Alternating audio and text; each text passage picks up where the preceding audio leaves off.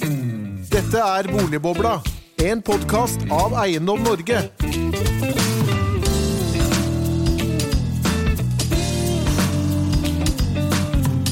Ja, Hjertelig velkommen til nok en episode av Boligbobla, denne gang med fritidshytter på fjellet som tema.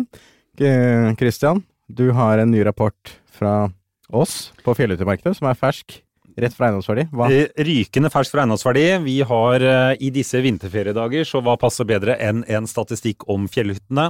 Vi eh, har nå lagt bak oss nok et godt år i fjellhyttemarkedet for de som har prøvd å selge hyttene sine. Det har vært utrolig stabilt i mange år på rad nå. Vi har en vekst eh, det siste året på 4,4% Det er jo da fjerde år på rad med en vekst litt i den størrelsesorden. Noe mindre enn årene før, men vi snakker om et prosentpoeng eh, cirka. Eh, gjennomsnittshytta i Norge koster 1 875 000, og det sier jo ganske mye om at eh, det er veldig mange hytter i rimeligere prisklasse som også skifter hender eh, rundt om i Norge. Vi har en rekord i antall eh, salg eh, gjennom megler på 4104. Det er eh, over fjoråret med 3 og også over 2016, som var tidligere all time high. Og i snitt så tar det ca. tre måneder å selge hytter i Norge. Så det er eh, sånn Det er også eh, Interessen for hytten, den står ved laget, altså. ja, vi er, eh, Det ligger i det norske DNA-et, tror jeg, det å, å ha en fritidsbolig enten ved sjøen eller fjellet. Så, og det er mange som realiserer den hyttedrømmen i Norge også det siste året. Det er bra. det er bra. Vi har jo også noen gjester her i Boligbobla. Bjørn Erik Øie. Eh, år, årtier blir det vel, som i prognosesenteret etter hvert. Eh, kjent og kjær fra mediene og, om hyttemerket. Og Anders Burt Buchardt, eh, utvikler. Eh, eiendomsutvikler. Ikke bare hytter, men du har jo drevet med både hotell og næring og Ja, jeg vet ikke hva du ikke har drevet med. Litt Men, eh, overalt. Men eh, i dag da her som hytteutvikler. Bjørn Erik, hvordan, hvordan stemmer den eh, statistikken med, med det, det dere i Prognosesenteret Ja, det, det analyserer? bekrefter jo eh, det som Kristian sier, at dette ligger i DNA. da. Ut på tur, aldri sur. Har aldri vært sannere. Eh, Så aldri har så mange fått seg ny hytte eller brukthytte som eh, i fjor.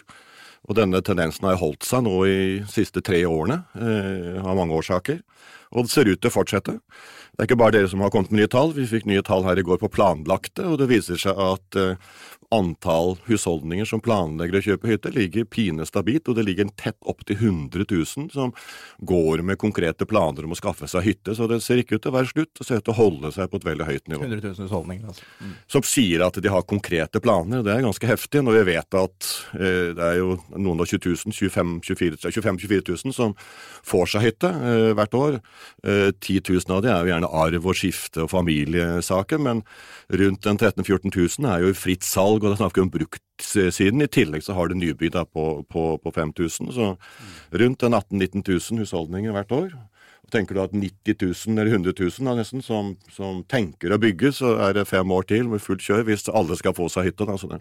Ja, ut på tur, aldri sur. Det har aldri vært sannere enn nå. Anders, hvordan stemmer våre tall her fra rapporten med, med deres erfaringer? Dere bygger jo ganske mye hytter opp til flere steder rundt omkring på, på Østlandet her. Du, den stemmer veldig bra med, med hva vi opplever ute i felten, for å si det sånn. Så det har vært eh, stabil, bra pågang nå, eh, som Jørn Erik er inne på, i, i flere år. Eh, nå er vi på flere forskjellige fjelldestinasjoner. Um, og- hvilke destinasjoner er det det på? Det er eh, Gaustablikk, det er eh, Kvitfjell, det er Hafjell, og nå senest Hemsedal. Så det bør være ganske representative steder. Og det er både hyttetomter, det er eh, ferdige hytter, og det er leiligheter. Så interessen og um, pågangen har vært bra. Um, og um, uh, det er ja, jeg opplever at det er mange der ute som, eh, som er på utkikk. Eh, Folk er dog veldig bevisste på hva de, hva de er uh, ute etter. Og hvis man ikke treffer med produkt og beliggenhet og pris, så er det mye å velge mellom. Og da da går man andre steder. Vi, vi har jo særlig bitt oss merke dette Vy-prosjektet i Hemsedal, da, som jo, ble jo solgt ut på, på flekken, og det kommer nye byggetrinn. Hva, hva er det som gjør at det konkret treffer så utrolig bra i markedet, da. Vi får håpe at det er et utrolig bra produkt, da. Eh, først og fremst. Men eh, det er en kombinasjon av flere ting. Eh, Hemsedal eh, står veldig sterkt. eh, er eh, attraktivt. Mange ønsker seg dit.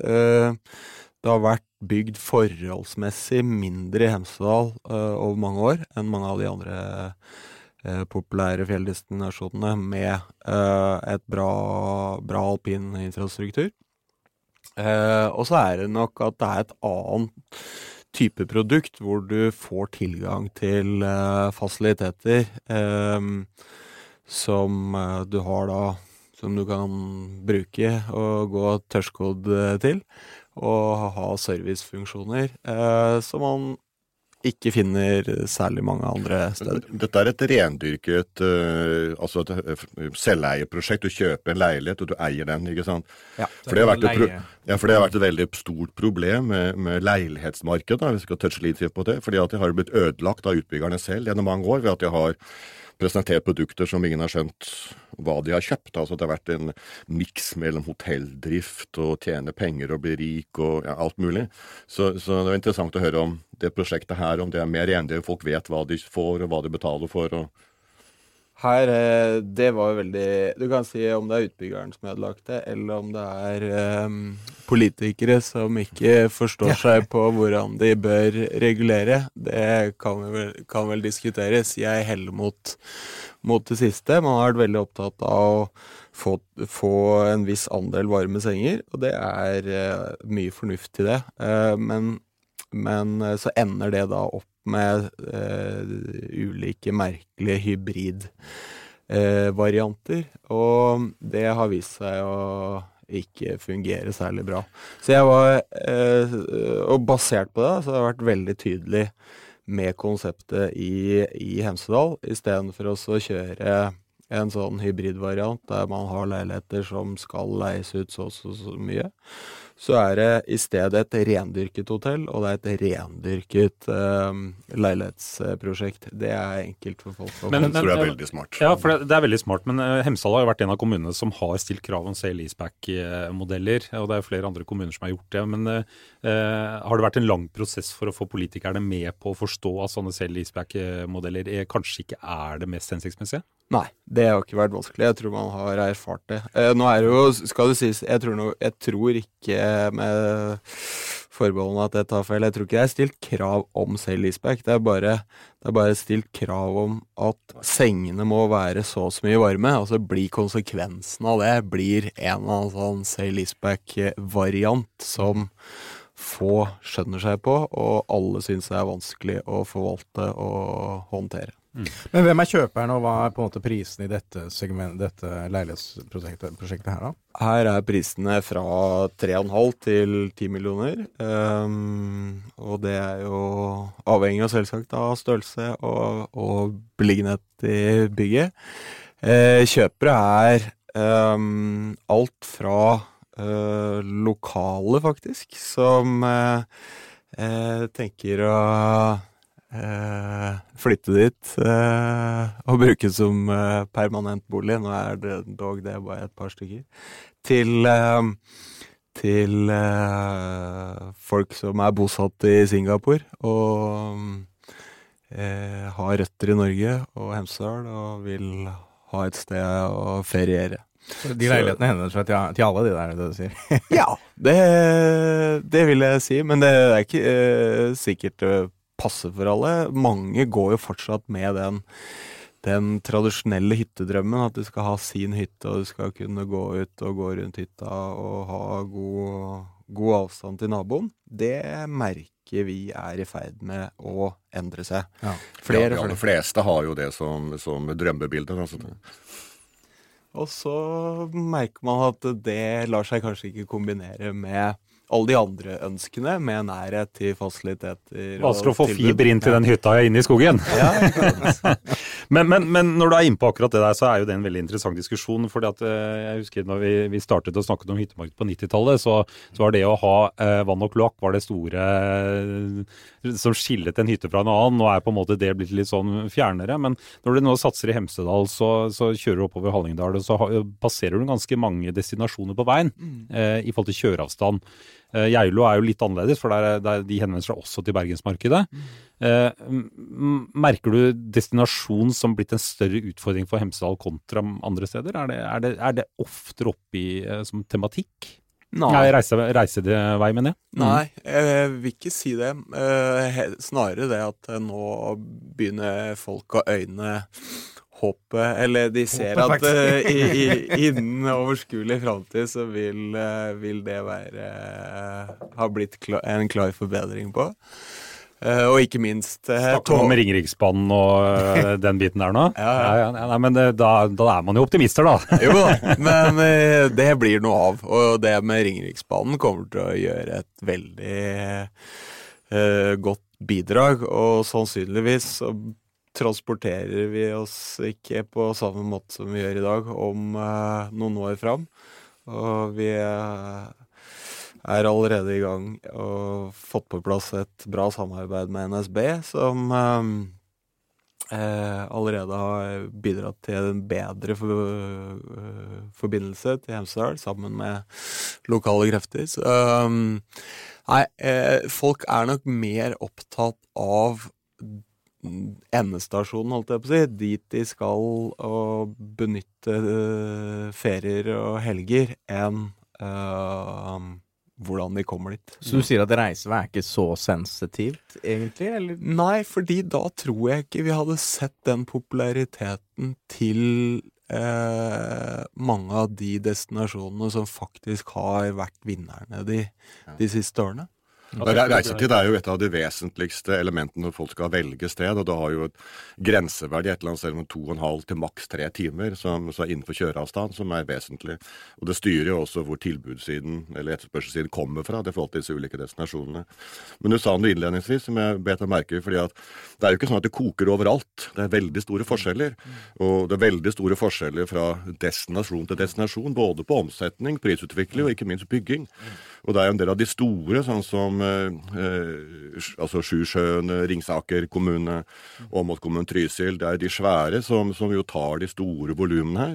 Så har du andre kommuner som da har veldig fine fjelltopper, men de har jo altså ikke noe marked. så folk har god tid og har mye å velge mellom. Altså det er 90 dager tar det, så jeg på rapporten her, å eh, kjøpe hytte. Og man har veldig mye å velge mellom. Altså Alternativet her er jo, til forskjell fra boligmarkedet, er at du har en tilbudsside som funker. Mm. Så om du da ikke finner hytta di, så kan du jo alltid finne en tomt. Mm. Du nevnte her at det var 90 000 regulerte 90 000 mer eller mindre ferdigregulerte finnes. Og det finnes strødd over hele Norge. Og, og, mange av de er veldig billige. altså Vi snakker om et liksom par hundre tusen for en tomt, men det vil jo ikke folk ha. da, så det er litt dyrere inn mot, mot, eh, mot uh, alpinanleggene, som jo da trekk, trekker det meste. Men uansett så er det mulig å bygge i dag, sier hytteprodusentene. Altså bra hytte, 3-3,5 millioner, så får du med tomt og fullt utstyrt. Og det er klart, det er nybyggbiten, en konkurrent til eksisterende, så er, du har noe å velge mellom. Pluss at det forklarer hvorfor det tar lang tid.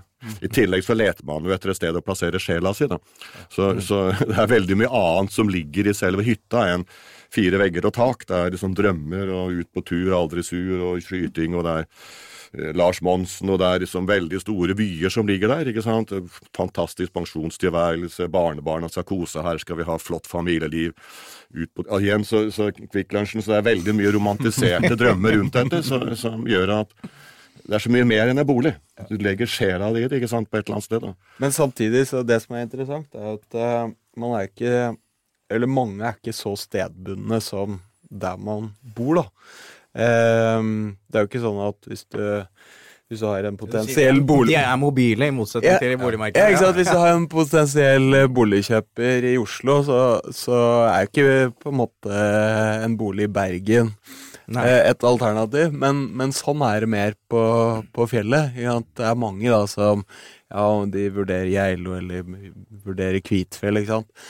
Um, så, så, sånn sett så er det uh, det er både mer å velge mellom, men, uh, men uh, det er også større mobilitet. Og da blir, blir konkurransen nå Så du sier eh, at du kan treffe de potensielle, samme potensielle kjøperne på Gaustatoppen som på Hafjell, liksom? Ja, vi har jo opplevd det å både kapret og mistet kunder til Eller som eh, til andre destinasjoner, eller som har kommet fra andre destinasjoner. Sågar opplevd å selge til noen på én destinasjon, og så noen år etter så flytter de Og så selger vi de til de på en annen destinasjon hvor vi bygger. Jeg, jeg, jeg holder veldig med det at det er ikke, du er ikke så stedsavhengig, men samtidig er jo reiseavstand. fordi at vi bruker disse hyttene nå 50 dager i året, så vi skal jo ha en kort reiseavstand for å komme dit for å kunne få brukt det. ikke sant? Så du får jo ikke så mye av folk fra Stavanger til å kjøpe hytte på Hemsedal antageligvis. Jeg vet ikke hvor mange fra Rogaland du har der. Er jo Sirdal. Ja, eller Sirdal, eller også inn i, i Nord- Nord-Rogaland, ikke sant, for å komme opp, gå opp i høyden. Altså, Fremdeles er det jo vi sånn passer-sak da, rundt tettstedene, rundt byene, som jo styrer litt av dette. Men jeg er helt enig i at det er jo stedet er ikke så viktig. Altså, det er viktig med stedet, men det kan variere ikke sant, da, på, på hvor, du, hvor det havner. Det er også mye her å si destinasjoner. Jeg har snakket om destinasjonskonkurransen. For dette har jo variert. Hemsedal er jo litt tilbake til vinden nå. Mm. Dels har det vært bygget lite der, men det er en veldig klar og tydelig destinasjon hva de har for noe profil. med Fjell og bratte bakker. Trysil har det, har det samme. Ringsaker har noe annet. ikke sant? Men her har det variert litt fra år til år. Akkurat de siste årene har jo Ringsaker vært voldsom, og Sjusjøen er jo da bortoverski og johaugeffekt ja, bortoverski og Johaug-effekt og hva det heter for noe alt sammen. ikke sant? Lars Monsen ut på seg. det er kanskje mer klassisk ut på tur, aldri sur, eh, som, som drar i vei nå. Du ser jo det samme oppe i Trøndelag, hvor, hvor eh, folk i Trondheim drar til Åre framfor Oppdal. Selv om Oppdal er kjent fra de beste fjellene i Norge, så, eh, så drar de like ut til året. Og det er, og det er jo kun pga. fasilitetene. Det er de hvite dukene på bordene, er det det? Ja, ja, ja, Ak aktivitetene. Ja. det er et sånt paradoks, for jeg har definert disse gruppene tre. da, og Det er ut på tur aldri sur, ut på tur av og til sur. og Det er den gjengen som skal ut på tur, men skal gjerne ha med noe tilbake når de er ute. ikke sånn Skyte eller plukke eller fiske eller et eller annet. Da. Så sier jeg den siste er den ut på tur all, alltid sur. Og Det er jo de som kun er ute til aktiviteter. Det er litt sånn paradoksalt, for de bryr seg egentlig ikke om stedet. De er aktivitetene på stedet og kan jo da bytte og flytte, og det gjør de jo også, som du sier. da. Eh, hvis et aktivitetsliv på ett sted endrer seg, så kan du flytte med. ikke sant? Så Hvorfor jeg kaller det alltid sur, er fordi at de er gjengen som har både henger og full takpanner og alt. og Bortoverski, nedover nedoverski, sykkel og gokart og alt. ikke sant?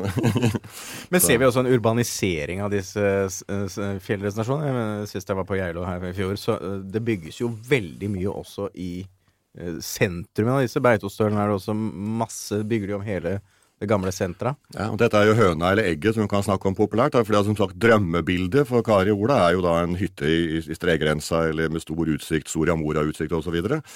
Men realiteten er jo inn mot eh, altså tettsteder. du, du- Realiteten er gjenboer, liksom. Ja. Ja, og det er jo for todelt. Dels er det jo det praktiske livet da, som gjør at folk velger det. ikke sant? For det vil gjerne være tett ved det andre. At du får ikke lov å bygge lenger eh, på en eh, enslig tue i skogen. Det, det er ingen kommuner som gjør det. Eh, og du skal ha regulert opp av miljøhensyn og annet, så skal det liksom kobles til infrastruktur og, og ja, mange årsaker. så det å bygge nytt på enslig tue i skogen, det tror jeg ingen tillater lenger. Så, så det er både tilbudssiden og etterspørselssiden som da drar i retning av dette.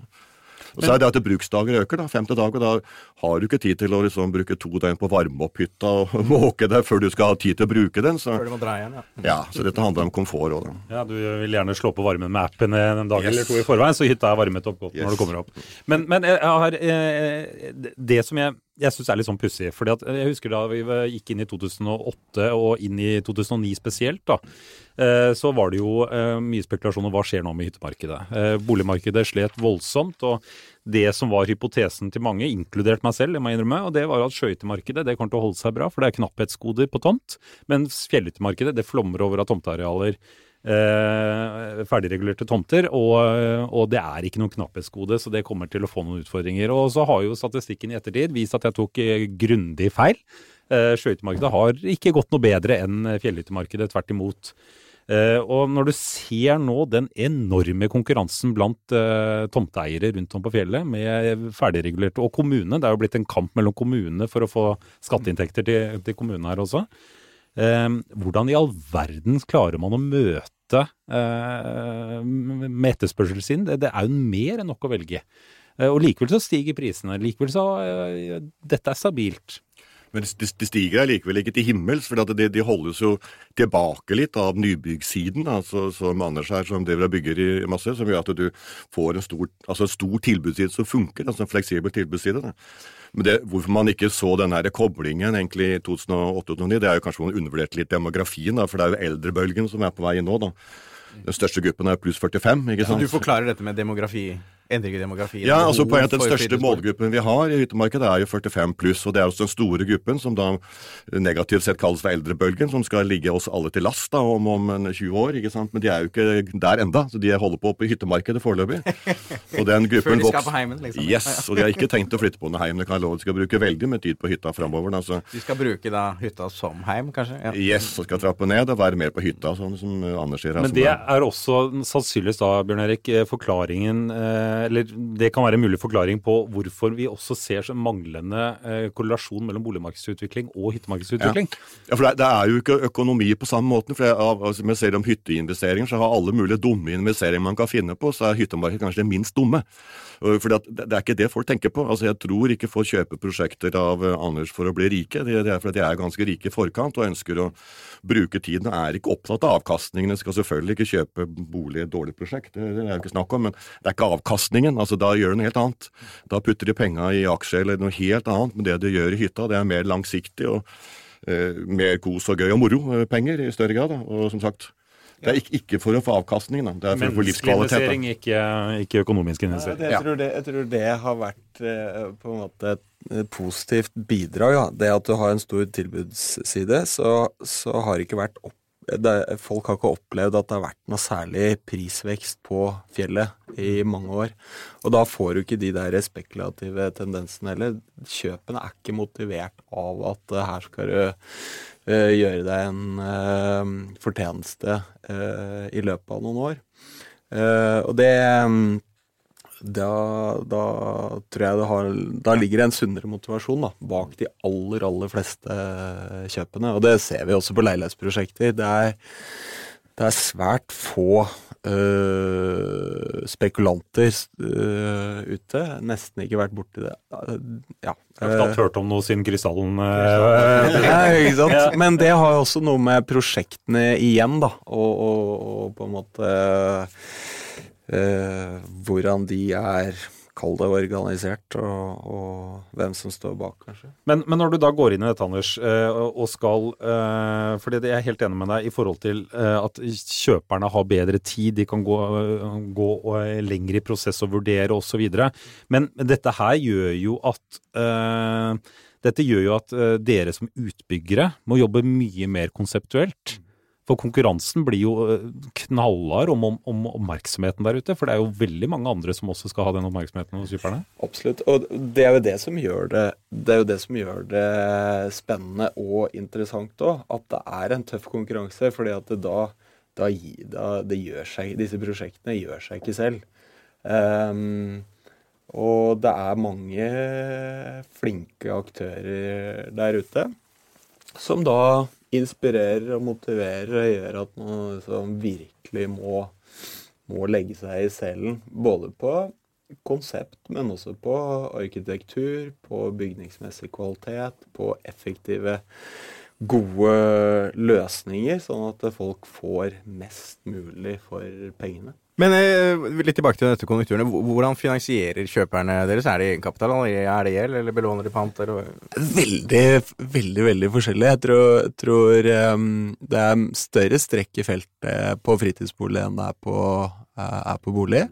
Så um, du har alt fra de som har alt som egenkapital, uh, eller de har en annen fritidsbolig som de skal selge eller har, har solgt, um, til at Eh, du har de som må gå til flere banker før de får det finansieringsbeviset de trenger. To, to tredjedeler av de som kjøper, sier jo at er, det har altså hovedsak egenkapital. har de, altså to tredjedeler, og Det er jo eksepsjonelt mye mer enn i, enn i boligmarkedet. Noe av egenkapitalen er jo ofte boligen. Altså. det er sannhet med modifikasjoner. ja, så, men uansett så, så, er det større grad egenkapital. Det som er litt paradoksalt, er jo at desto dyrere hytta blir, desto mindre egenkapital er det. Altså da, da, du har De dyreste hyttene sjekket jo Finansavisen her, blåser ut området, men Hafjell blant annet. Da. Og desto dyrere hytta er, desto mer topplånt er den.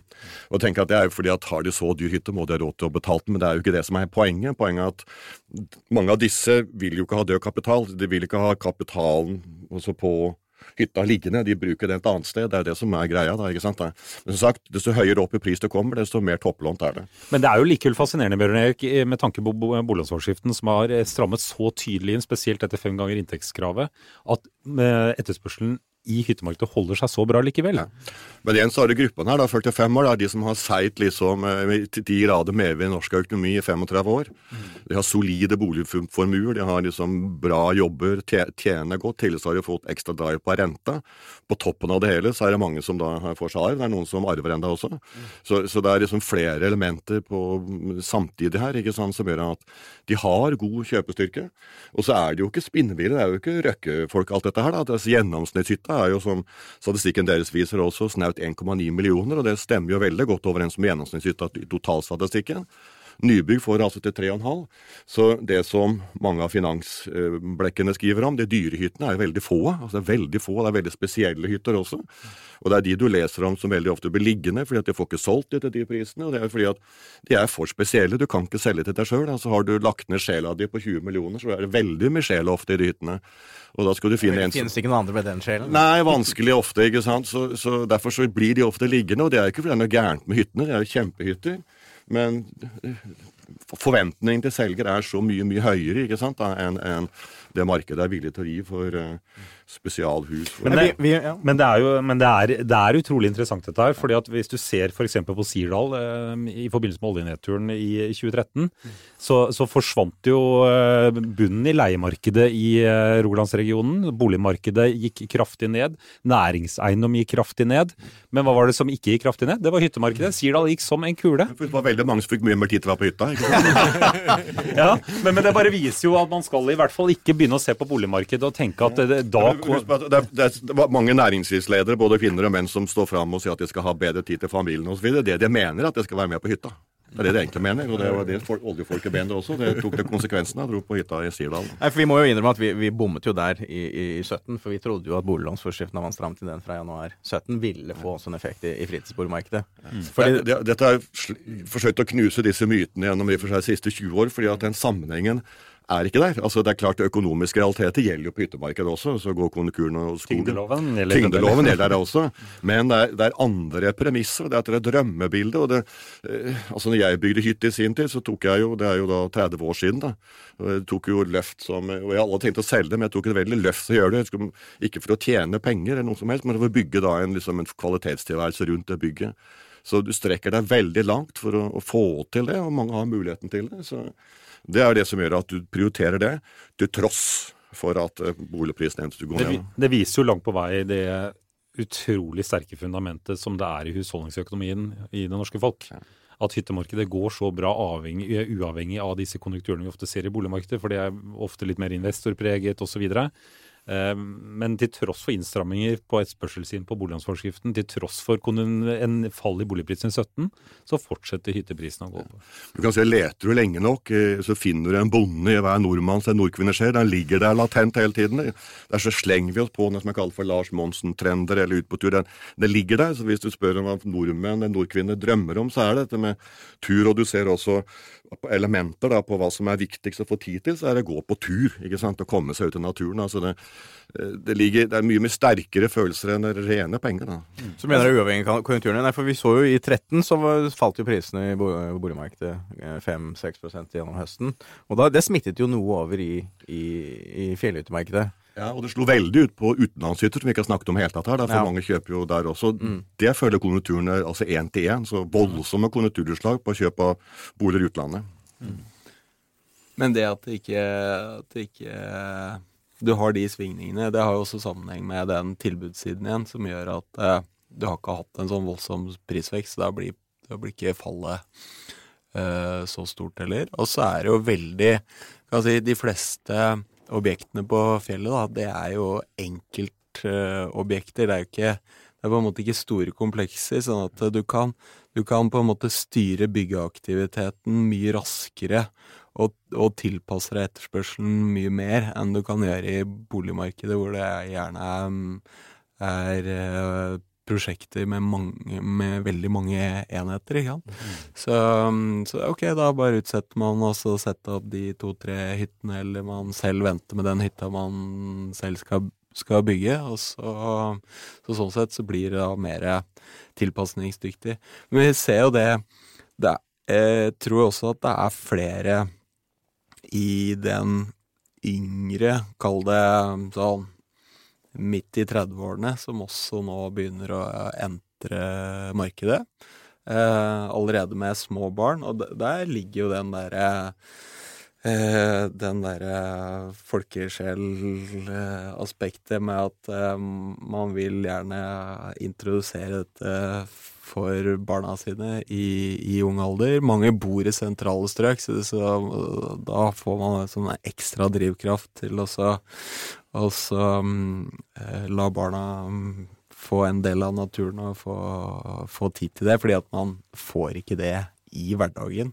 Det tror jeg har vært med på å holde interessen og, og trykket oppe eh, i ja, i tillegg til, til mange, mange, andre faktorer. Man er travlere i hverdagen.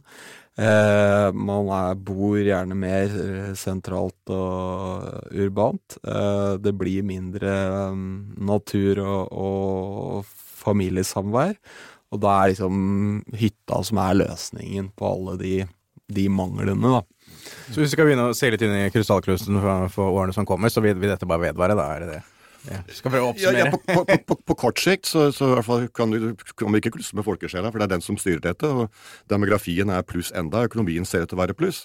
Men et, et spørsmål her er jo da hva skjer nå med skal vi si, ny befolkningssammensetning, og vil disse, disse skal vi si, drømmene fortsatt uh, nedover? ikke sant? Og, uh, så ser du lenger fram, så får vi se. altså bruk, Bruken endres noe. Vi har jo veldig spesiell kultur i Norge. Veldig spesielt at vi skal eie disse hyttene våre. Vi har jo både Danmark og Finland og Sverige så har du sommerstugor som brukes da en viss periode på sommeren. Men den kulturen at vi skal nødvendigvis eie det, hytte oppe i fjellet, det, det, er veldig veldig norsk. Mm. Så om den forholder seg sånn de neste 20 årene, det vet jeg ikke. Men de neste fem årene så, mm.